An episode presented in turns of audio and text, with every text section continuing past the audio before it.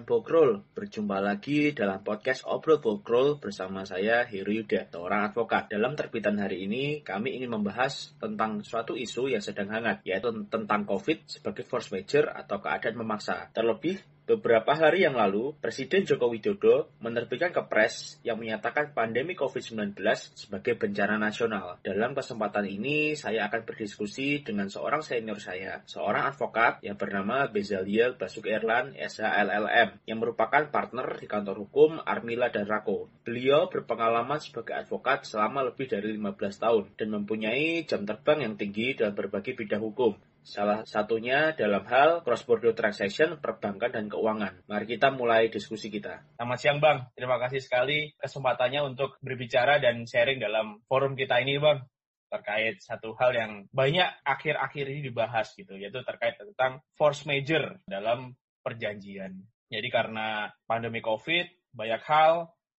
yang menjadikan halangan bagi para pihak yang berkontrak untuk menjalankan kewajibannya. Nah, kalau untuk ngomongin force major nih Bang, sebenarnya gue ingin menanyakan satu hal yang paling dasar. Sebenarnya apa sih Bang itu force major Bang?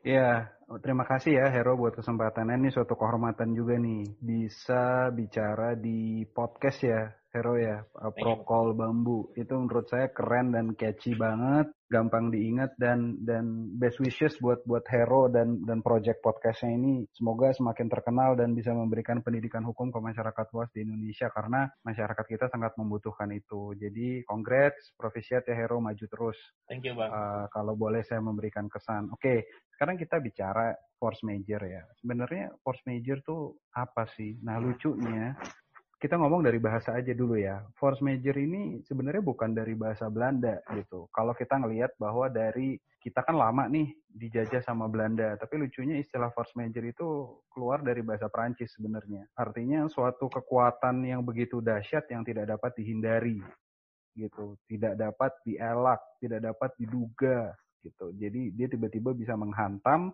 dan itu di luar perkiraan manusia atau kalau kita bicara hukum dari subjek perbuatan para subjek dari perbuatan hukum itu sendiri ya.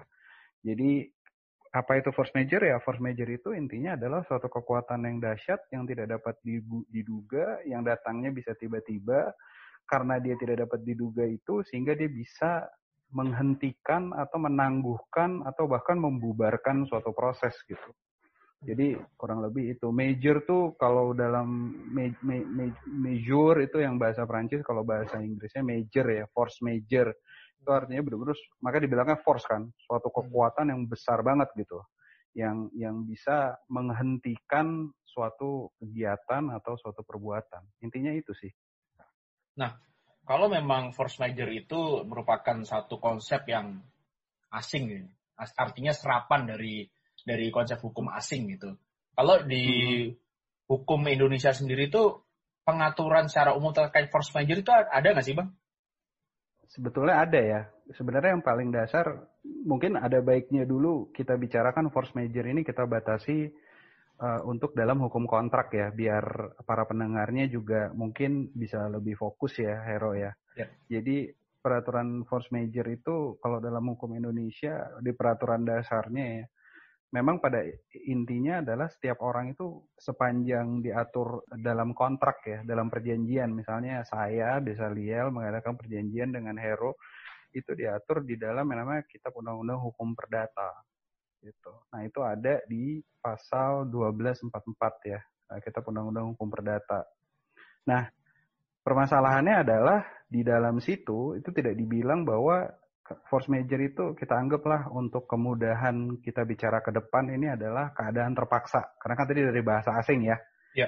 Nah, kita kalau kita mundur dulu sedikit sebenarnya KUH Perdata ini merupakan kitab yang dulunya namanya Berkelik Wetbook gitu. Yaitu adalah kitab eh, apa namanya KUH Perdata dari hukum Belanda gitu yang waktu itu karena kita dijajah selama ratusan tahun Eh, mereka menerapkan hukum mereka di semua koloni mereka termasuk di Indonesia ya. Mereka kan dibilangnya kolonialisme gitu. Itu hanya sedikit aja sih dari sejarah. Nah kalau kita bicara 1244, mungkin ada baiknya kita mulai mengupas nih satu persatu ya. Unsur-unsurnya tuh apa sih? dan ini kan tidak dia tidak dibilang langsung sebagai force major atau keadaan terpaksa, tapi dia bilang ini kayak gini, ini saya kutip langsung ya. Debitur harus dihukum untuk mengganti biaya, kerugian, dan bunga bila ia tidak dapat membuktikan bahwa tidak dilaksanakannya perikatan itu atau tidak tepatnya waktu dalam melaksanakan perikatan itu disebabkan oleh suatu hal yang tidak terduga, yang tidak dapat dipertanggungkan kepadanya, walaupun tidak ada itikat buruk padanya. Nah, ini untuk memudahkan para pendengar kita juga, debitur di sini nih maksudnya itu bukan hanya sekedar hutang dalam rangka hubungan hukum dalam hutang piutang, yang satu debitur dibilang kredit, yang satunya dibilang debitur, yang satu lagi dibilang kreditur. Kreditur memberi utang, debiturnya harus membayar kembali. Itu tidak hanya itu, tapi lebih ke arah di mana debitur ini adalah obligor dalam suatu perjanjian di mana daripadanya dituntut suatu pelaksanaan perbuatan tertentu. Gitu.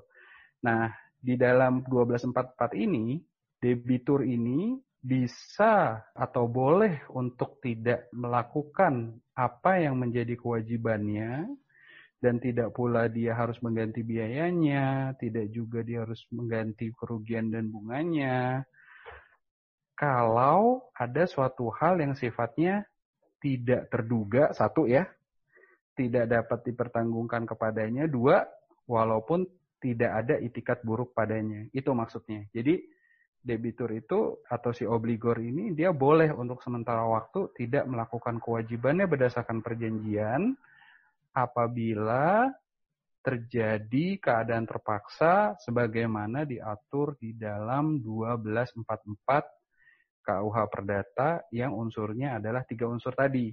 Saya ulang ya, hal yang tidak terduga, tidak dapat dipertanggungjawabkan kepadanya, dan dia itu sebenarnya sudah beritikat baik yang ketiga nih. Jadi dia tidak memiliki itikat buruk.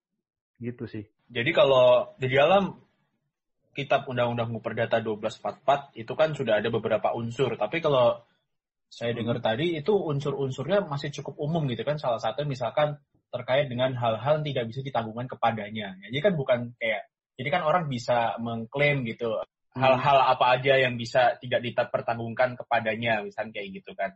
Nah, kalau merujuk pada hal seperti itu, berarti apakah hmm. suatu hal yang harus gitu, kewajiban bahwa kalau kita punya kontrak atau itu necessary bahwa kita harus punya suatu klausul yang spesifik gitu terkait dengan peristiwa-peristiwa keadaan terpaksa atau force major ini? Nah, ini Hero arah pikirannya udah bener nih. Jadi 1244 ini saya sangat 100% setuju dengan apa uh, pemikiran dari Hero ya. Jadi 1244 ini nih dia tuh hanya panduan aja sebetulnya. Karena ini dia luas banget kan. Suatu hal yang tidak terduga, tidak dapat dipertanggungkan kepadanya, tidak ada itikat buruk daripadanya. Nah, hal yang tak terduga nih unfortunately atau sayangnya itu tidak pernah didefinisikan lebih lanjut di dalam kitab undang-undang hukum perdata kita atau istilah kerennya dalam bahasa Belanda itu BW. Nah, itu masalahnya. Sehingga apa? apakah ini perlu diatur secara detail dalam kontrak? Apa force major itu harus harus ditulis secara spesifik atau tidak? Jawabannya iya. Kenapa? Supaya memudahkan para pihak untuk melakukan pengukuran apakah force major itu sudah terjadi atau belum. Kenapa kita jangan hanya berpegang pada pasal 1244 karena pasal 1244 tadi, seperti kita ketahui bersama, itu artinya sangat luas. Keadaannya tidak terduga ini apa? Gunung Merapi kah? Gunung meletus kah? Um, banjir bandang kah? Angin tornado kah? Atau peraturan pemerintah yang banyak sekali peraturan pemerintah yang keluar karena COVID-19 ini kah? Apa nih? Perbuatan yang tidak terduga tuh, satu hal yang tidak terduga tuh apa? Nah itu memang harusnya diinterpretasikan sesuai kesepakatan para pihak di dalam kontrak yang mengatur pasal khusus tentang force major. Nah ini juga saya kalau boleh ingin memberikan pesan dan input ya kepada para pendengar sekalian bahwa jangan hanya membuat pasal di dalam force major yang sifatnya itu umum. Buatlah sedetail mungkin sehingga dalam proses negosiasi itu para pihak itu sama-sama bisa melakukan kajian sebetulnya force major yang mungkin terjadi di antara para pihak itu apa sih? Misalnya dalam perjanjian pinjaman, debitur perlu uh, apa melakukan contoh sederhana aja ya, perlu menerima pinjaman dari bank dalam rangka uh, apa namanya melakukan kegiatan UKM, dia mendirikan beberapa chain coffee shop. Nah, itu harus istilahnya bahasa kerennya itu harus dibuat tailor made gitu. Apa sih yang bisa jadi force major untuk seorang pengusaha apa chain coffee shop karena belum tentu itu hal yang sama dengan force major yang bisa terjadi kepada orang yang meminjam uang ke bank untuk mendirikan pabrik bakmi misalnya atau pabrik molding plastik misalnya atau uh, penjualan retail uh, seperti brand-brand yang kita ketahui di pasar swalayan pasar swalayan itu misalnya. Jadi itu bagus sekali uh, Hero angkat bahwa iya jawabannya itu harus diatur lebih lanjut dalam kontrak untuk memudahkan para pihak apabila nanti force major itu betul-betul terjadi sehingga tidak ada lagi interpretasi masing-masing dari para pihak berdasarkan 1244 yang isinya memang sangat luas. Karena ini bisa merembet ke mana-mana ya. Karena nanti seperti mungkin Hero juga ketahui bersama, kalau tidak diatur lebih lanjut, berarti kita harus lihat bab pasal tentang uh, interpretasi dari perjanjian. Pihak mana yang lebih dirugikan, ya kan? Terus habis itu maksud dari para pihak ketika mengadakan perjanjian itu seperti apa? kemudian keadaan ketika perjanjian itu bagaimana, norma, kebiasaan ketika perjanjian itu di, di, di, di, di tempat di mana perjanjian itu dibuat di mana. Kalau kita bikin bisnis negotiation di Jakarta, mungkin beda dengan bisnis negotiation di Jawa Tengah misalnya, Semarang. Mereka pasti punya kebiasaan bisnis sendiri-sendiri yang mereka anggap itu sebagai suatu norma yang tidak tertulis. Jadi walaupun tidak diatur dalam perjanjian itu harus dianggap sudah ada. Nah, hal ini kan akan jadi masalah kalau misalnya dua pihak, satu dari Jakarta, satu dari Semarang, ketemunya di Semarang. Nah, mana nih kebiasaan Jakarta yang dipakai atau kebiasaan Semarang yang dipakai? Force major definisi Jakarta atau force major Semarang yang dipakai? Force major definisi Semarang yang dipakai makanya ada baiknya supaya tidak main tebak-tebakan. Definisi force major itu harus diatur secara sedetail mungkin di dalam perjanjian. Oke. Nah, Artinya kan memang suatu hal yang ideal bahwa klausa force major atau keadaan terpaksa itu harus dibuat secara detail ya kan. Nah, iya. tapi tidak semua orang nih kan sering kali kejadian nih nggak semua orang tuh aware gitu terkait hmm. adanya klausul force major atau keadaan terpaksa. Kadang-kadang yeah. sering kali kalau kita lihat kontrak-kontrak sederhana bahkan tidak ada tuh klausul force major yeah. atau bahkan yeah. ada juga kontrak yang tidak tertulis misalkan perjanjian yeah. yang tidak tertulis akhirnya tetap aja nanti akan ada hak dan kewajiban yang harus dilaksanakan. Nah, kalau dari Bang Bejalil sendiri, kalau melihat hal seperti itu, apa nih sarannya nih Bang? Kalau misalnya sudah terlanjur yeah. di dalam perjanjian itu, kita anggap ini ya, situasi terburuk. Hmm. Tidak ada klausula force major. Hmm atau biar bahasa Indonesia lebih mudah ya Hero, tidak ada klausula apa yang terjadi bila keadaan terpaksa melanda atau terjadi gitu. Apa sih kewajiban para pihak? Kalau itu sudah terjadi, maka dan tidak ada klausul yang mengatur secara detail secara khusus, maka 1244 tetap berlaku sepanjang hukum yang mengatur dalam perjanjian itu adalah hukum Indonesia. Sehingga apa yang harus kita lakukan? yang harus kita lakukan kalau saya ini kita nggak bicara praktek aja ya Hero ya. Yeah. Kalau saya jadi uh, advokat yang mewakili salah satu pihak itu, saya akan sarankan kepada pihak yang saya wakili untuk bernegosiasi dengan pihak uh, yang satunya untuk membicarakan karena sayangnya force major itu tidak atau keadaan terpaksa itu tidak diatur secara detail jadi mereka mau tidak mau harus duduk bersama untuk bilang dan untuk sepakat bahwa apa sih yang tidak terduga itu berdasarkan pasal 20, 1244 menurut interpretasi mereka apa sih yang karena tidak terduga itu kemudian menuju kepada hal-hal yang tidak dapat dipertanggungjawabkan oleh pihak yang seharusnya melakukan perbuatan dalam perjanjian. Terus apa sih cara gimana sih apa atau bagaimana sih cara mengkaji uh, itikat baik dari pihak yang bersangkutan gitu. Jadi itu harus duduk bersama. Ini ini yang selalu saya sarankan ke ke ke, ke klien-klien saya karena menurut saya lebih baik kita mencoba untuk bernegosiasi terlebih dahulu ketimbang misalnya nih biar lebih gampang ya antara kreditur dan debitur si debitur bilang wah maaf saya nggak bisa bayar cicilan karena force major gitu. Kemudian si kreditur bilang, wah itu force major kamu tuh ternyata beda dengan force major atau keadaan terpaksa yang saya mengerti. Dan, dan dengan demikian saya gugat aja ya kamu di pengadilan, nanti kita lihat pengadilan ngomong apa. Karena gimana pun juga, pertama dari pengalaman saya, kita sama-sama tahu bahwa di pengadilan itu prosesnya bisa cukup panjang. Walaupun memang sekarang sudah ada proses berperkara cepat ya berdasarkan peraturan Mahkamah Agung. Yang kedua, kalaupun prosesnya tidak panjang, ke pengadilan itu selalu lebih mahal kan? Yeah. Karena kan para pihak walaupun di dalam apa namanya hukum acara perdata kita lah ya, yang hmm. biasa saya pegang itu para pihak itu boleh mewakili dirinya sendiri.